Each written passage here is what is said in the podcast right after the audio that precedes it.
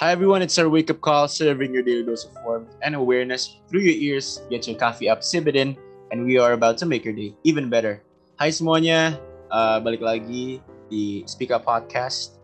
Episode 2, kali ini kita bakal ngomongin uh, hal-hal yang lumayan juicy, yang spicy, yang tentunya ada banget di kehidupan kita sehari-hari.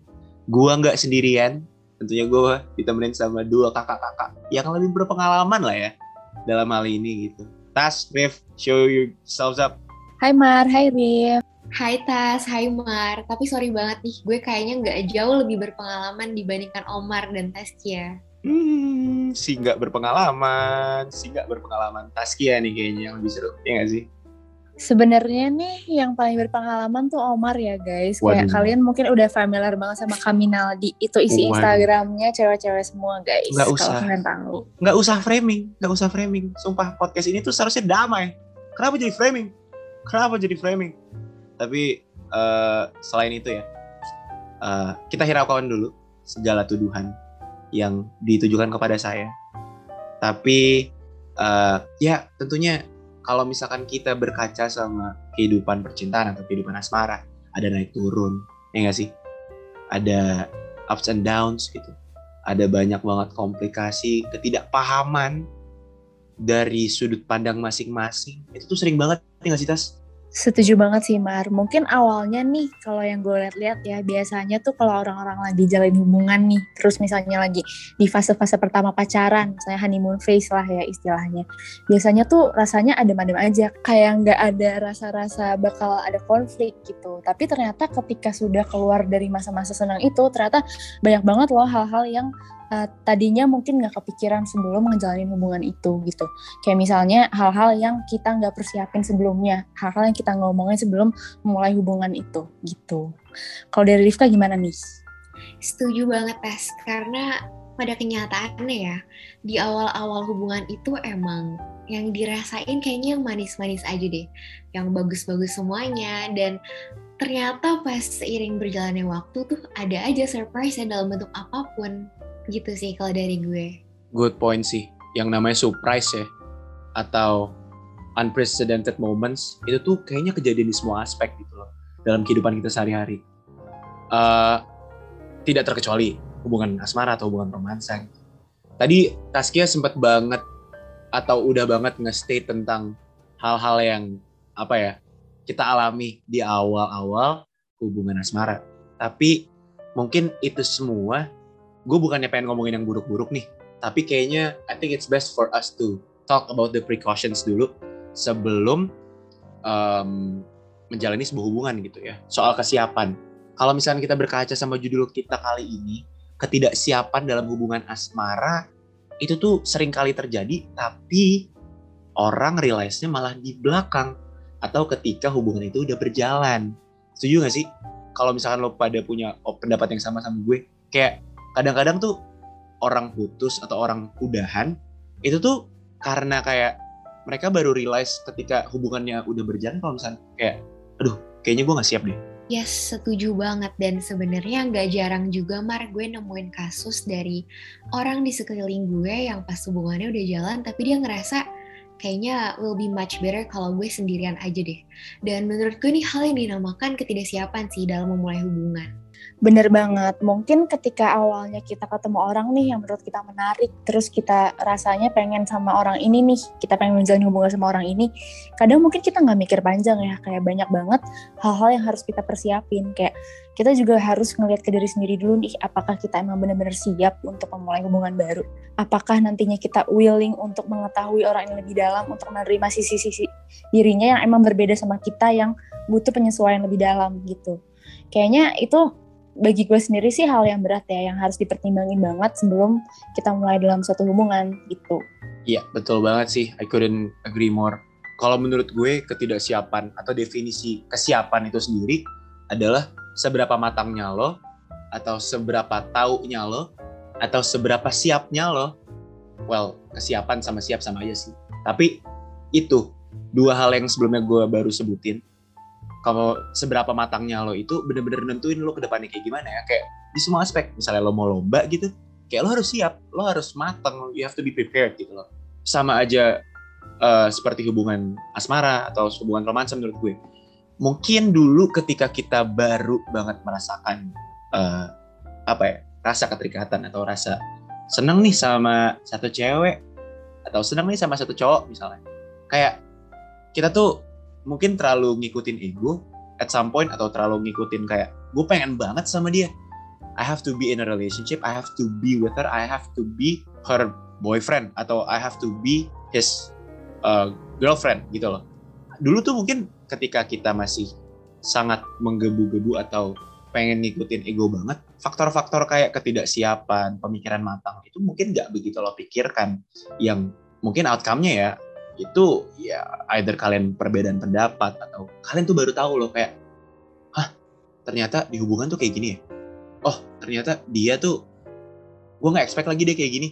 Nah menurut gue tuh ketidaksiapan itu atau kesiapan itu sebegitu pentingnya kayak before you do something gitu loh kayak itu tuh penting banget gitu loh. Mungkin gue pengen ini deh kayak pengen pengen bercerita sedikit ya tentang pengalaman pribadi nih. Kayaknya seru kalau misalkan Taskia sama Rifka bakal tambahin uh, kemudian setelah gue cerita. Dulu ketika gue masih apa ya ada di fase-fase awal itu mungkin gue nggak begitu realize atau mungkin mayoritas dari percintaan anak-anak SMA itu tuh mengesampingkan hal-hal yang tadi baru banget uh, gue jelasin gitu. By no means gue nggak disrespect orang-orang yang PDKT-nya atau pendekatannya dekat. Tapi kalau gue secara pribadi, gue tuh lebih ngerasa kayak I think it's best for me to know or prepare everything first dalam uh, rangka agar nanti hubungannya baik-baik aja gitu. Meanwhile dulu ketika apa namanya gue masih sangat amat belia uh, di bangku SMA tertarik sama seorang apa ya uh, lawan jenis gitu ya atau uh, apa namanya teman gue kala itu ya gue ngerasa I have to be I have to be with her gitu lah I have to be apa namanya sama dia gitu loh. Gue harus punya dia dan dia juga harus punya gue. That's that's all I think of gitu loh. Kayak gue nggak boro-boro gue mikirin hal-hal lain. Seperti gue siap atau enggak ntar kayak gimana wataknya kayak gimana. Itu mungkin nggak begitu lo pikirin gak sih tas? Rif kayak dulu ya gak sih Yes, setuju banget Omar. Dan sebenarnya mungkin when we were younger ya, esensi dari loving someone itu mungkin untuk own it atau untuk possess it gitu. Tapi menurut gue, esensi dari loving someone itu ya to enjoy each moment of it aja gitu. Karena perasaan suka atau sayang untuk menilai kesiapan seseorang dalam memulai hubungan itu menurut gue nggak cukup sih. Karena dalam hal ini kita perlu involve rational thinking kita sih. Taskia gimana? Yes, benar banget yang tadi kalian berdua udah mention. Tadi Omar juga sempat mention sih kalau misalnya ketika kita menggebu-gebu, lagi menggebu-gebu suka sama seseorang nih, yang kita pikirin adalah kita cuma mau sama dia gitu. Yang yang kita pikirin cuma itu. Padahal ya sebenarnya banyak banget hal-hal yang perlu kita pertimbangin. Mungkin waktu kita masih SMA, mungkin waktu kita masih lebih muda dari sekarang, kita ya cuma mikirin apakah ya ketika udah dekat sama orang ya kapan kita bakal jadi sama mereka, kapan kita bakal mulai memulai hubungan sama mereka gitu kadang ada juga uh, pressure dari sekeliling kita nih kayak misalnya ada teman-teman kita yang tahu kita lagi deket sama orang terus mereka dengan gamblangnya aja gitu bertanya kapan lo jadian sama dia? Kok lo uh, udah deketnya lama tapi nggak jadian-jadian sih? Misalnya kayak gitu. Padahal ya kalau menurut gue sendiri nih nggak ada parameter yang udah pasti gitu tentang seberapa lama sih kita harus dekat sama seorang, seberapa cepat sih kita harus memulai hubungan baru gitu. Padahal sebenarnya banyak banget hal-hal yang tadi gue bilang perlu kita pertimbangin. Mungkin sekarang kalau misalnya kita udah di posisi orang dewasa nih, kita mungkin udah melihat calon pasangan kita sebagai orang yang benar-benar berbeda yang harus bisa mengerti kita gitu kayak gimana ya mungkin kasarnya ya kalau menurut gue misalnya dulu yang kita pikirin tuh apakah dia mau sama gue? Tapi sekarang kita pikirin tuh ya apakah gue juga mau sama dia? Apakah dia bisa menyeimbangi gue di segala aspek-aspek kehidupan gue yang banyak banget berbeda sama dianya gitu. Mungkin kita juga harus lihat nih apa sih apakah emang untuk berada dalam hubungan asmara dengan orang ini emang benar-benar worth it benar-benar akan membuat hidup kita lebih baik atau membuat hidup kita lebih sedih lagi gitu. Atau lebih sengsara lagi lah kasarnya Well, I explain tes. Jujur gue setuju banget sama poin-poin lo barusan dan sebenarnya bukan cuma kesiapan untuk memulai aja tapi untuk mempertahankan dan untuk memperbaiki karena menurut gue ya untuk siap memulai ya berarti siap juga untuk mempertahankan. Asli, tadi Taskia sama Rifka poin-poinnya keren banget. Kayaknya mungkin ya, dulu tuh apa yang kita ikutin ketika kita masih muda, belum ada pressure dari sana sini, yang kita ikutin ego. Namun kalian pasti sering banget denger gak sih kayak misalkan kalian punya relatif yang udah ada di masa uh, pernikahan yang seharusnya gitu ya masa-masa dewasa gitu ya pasti ditanyain gitu loh sama relatif relatif saya mungkin sama tantenya gitu yang mungkin kadang-kadang comel mulutnya kamu kapan nikah kamu kapan ini itu dan menurut gue ketidaksiapan atau faktor kesiapan ini tuh harus dimengerti baik dari orang yang menjalankan dan juga orang yang ada di sekitarnya gitu untuk tidak yang nahan ngasih pressure atau ngasih tekanan ke orang-orang yang mungkin sedang menjalani menjalani hubungan gitu. Karena nggak mungkin nggak sedikit ya orang-orang yang pengen menjalani sebuah hubungan baik itu hubungannya seserius nikah atau bahkan hanya pacaran tapi karena dorongan uh, apa ya faktor-faktor luar gitu loh atau apa uh, komponen-komponen luar yang ngedorong dia gitu loh kayak somehow I feel sorry about uh, those people that felt that karena ya satu bukan dari diri dia sendiri keputusannya kedua seharusnya mungkin orang-orang yang ada di sekitarnya bisa lebih memahami orang yang mau menjalankan ya dengan tidak uh, begitu banyak ikut campur dalam hal menyuruh mereka mempercepat atau memulai uh, hubungan itu lebih cepat gitu kalau menurut gue. Keren-keren sih opini-opini kalian tapi kayaknya nggak seru nih kalau gue doang yang ngasih opini. Ya nggak sih tas? Rif kayaknya lu juga harus ngasih kisah masa lalu nih kalau boleh. Ya nggak sih Rif? Kayak tas kayak duluan ya. Ya nggak sih Rif? Kayak tadi gue udah ngasih cerita gue dulu gitu loh. Setuju sih Mar. Karena Tasya ini terkenal dengan ceritanya yang valuable kalau masalah hubungan. Asli. Kalau kalau misalkan ada apa-apa gue ada apa-apa lo pasti konsultasinya sama ratu gitu kan. Ya nggak sih? Kayak ini orang keren banget gitu. Lo harus cerita cerita kayak ini kalau misalkan kalian apa namanya bisa lihat ya secara visual itu Taskia lagi komen komen yang tidak baik di chat karena tiba-tiba ditembak untuk bisa cerita tentang masa lalunya. Ayo Taskia, let's go. Mungkin teman-teman juga bakal kayak fascinated banget gitu loh sama cerita lo. Ya gak sih? Kayak mereka tuh bakal bisa seneng gitu. Wah Taskia ternyata kayak gini. Wah ternyata podcaster kita tuh ngalamin ups and downs sebegininya. Seseru ini ternyata kehidupan asmaranya. Makanya kayak Taskia tuh orang yang paling mantap lah ya Arif ya. Untuk kita untuk untuk, untuk kita tanyain. Karena sebenarnya Mar, Taskia itu kayak mentor gak sih kalau masalah-masalah ginian tuh? Gua nggak bisa setuju lebih sih bro. Kayak Taskia tuh emang paling mantap. Let's go, Taskia, let's go. Oke, oke, oke. Ya mungkin gue cerita sedikit kali ya tentang uh, kehidupan asmara gue nih. Apa sih bahasa enaknya ya? Tapi mungkin abis ini bisa dilanjutin sama cerita Rifka yang banyak banget bumbunya nih biasanya kalau lagi ceritain tentang kehidupan asmaranya gitu. Ya kalau dari gue sih sebenarnya ya uh, mungkin gue cerita tentang uh, hubungan gue yang sekarang dan hubungan gue yang sebelumnya gitu ini ada ada beberapa uh, hal yang gue notice sih ketika gue memulai hubungan baru nih yang sekarang gue jalanin. Gue tuh udah mau wanti-wanti diri sendiri nih kayak gue udah melihat nih dari hubungan gue yang sebelumnya kalau ternyata tuh banyak banget hal yang emang gue belum bisa dewasa gitu nyikapinnya. Kayak banyak hal-hal hal-hal kecil yang mungkin bikin gue marah bikin gue kesel dan gue nggak tahu respons itu dengan gimana. Gue nggak tahu cara bereaksi yang baik yang juga nggak nyakitin orang lain gitu. Itu kalau dari gue sendiri. Dan ketika mau memulai hubungan baru gue ngeliat lagi nih ke diri sendiri apakah emang gue siap buat mulai hubungan baru gitu. Apakah gue emang udah bisa mengevaluasi kesalahan-kesalahan gue sebelumnya dan gue udah bisa start over sama orang yang baru dengan kepribadian baru dan adanya kemungkinan gue bakal ngelakuin hal-hal yang emang gak baik gitu yang kayak gue gampang marah, gue gampang kesal, gue gampang ya emosi gue gampang terpengaruh sama pasangan gue gitu. Eh, tas, dan tas, ternyata tas tas. Ya, Tapi kalau ya. boleh tahu tuh kayak emosi lu tuh sama siapa sih? kayak boleh gak sih kayak kayak yang mana gitu ya gak sih kalau itu nggak usah disebutin kali ya Mar takut ada pihak-pihak yang dengar podcastnya terus nanti kayak tersinggung agak-agak merasa itu dirinya sendiri padahal nggak tahu ya dia tahu bukan gitu waduh, ya. waduh mungkin Aduh. mungkin kita tanyain ke Rifka aja nggak sih soal ini iya gak sih iya boleh boleh banget Rifka Rifka Rifka Rifka Hai. where are you oke okay. lu mau nanya dulu gak Mar Iya kayak sama siapa sih yang mungkin lo ngalamin sama yang mana gitu. karena kan yang gue tahu banyak ya banyak ya ya sih banyak pengalamannya pengalamannya. Sebenarnya um, gue nggak mau ngebawa-bawa yang udah udah lewat ya Mar. Jadi kayak ya udah I left it in the past aja gitu. Tapi untuk yang baru-baru terjadi ini sebenarnya cerita gue sama kayak judul lagu lo yang terbaru kisah tanpa Wah. arah. Wah oke. Okay. thank you promosinya loh. Lanjut lanjut. Karena emang bener-bener tanpa arah dan akhirnya di sini gue berhasil menangin cerita ini dengan pemikiran yang rasional gitu. Jadi gue ninggalin hal yang menurut gue nggak perlu dan bukan hak gue. Gitu aja sih Mar sebenarnya kalau dari gue. Sama yang mana sama yang mana Rif sama yang kayak sama yang paling baru gitu apa yang setelahnya gitu? Enggak ya, ya oh, enggak. yang paling baru. Oh yang paling baru. Pertanyaannya loh. Oh, oh pertanyaan yang paling baru ya? Oh, oh, oh, oh. kalau mungkin uh, Taskia sama yang paling baru apa mungkin yang sekarang gitu?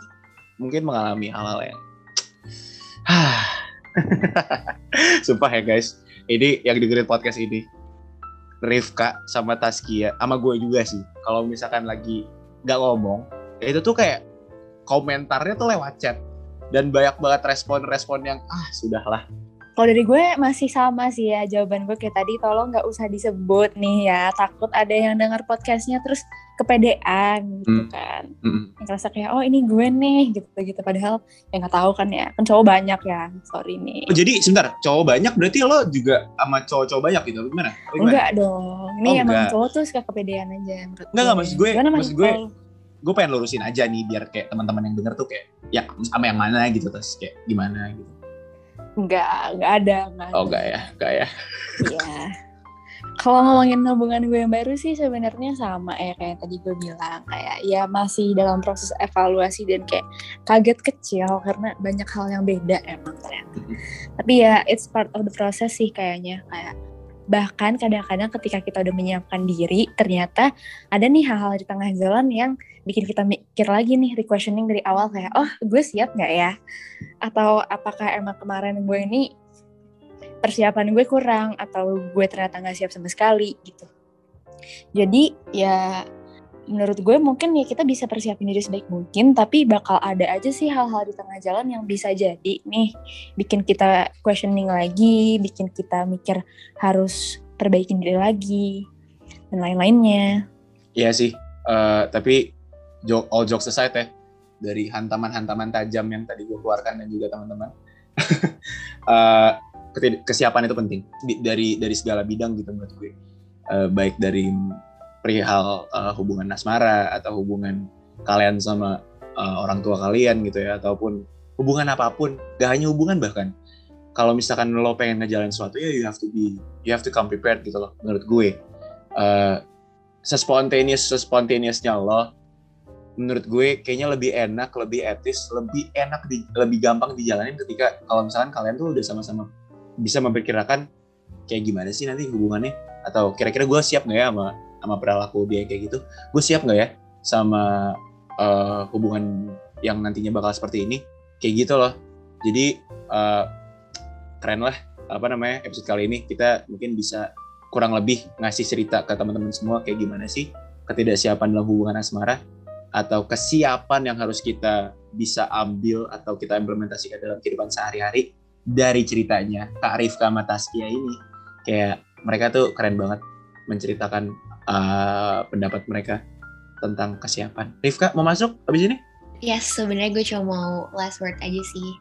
Gue mau apa ya? Mungkin selama ini kita sering dengar lebih cepat itu lebih baik, padahal belum tentu. Terkadang lebih tepat lebih baik. Apanya, Rif? Um, Hubungan ya kan? Iya. Oke. Okay.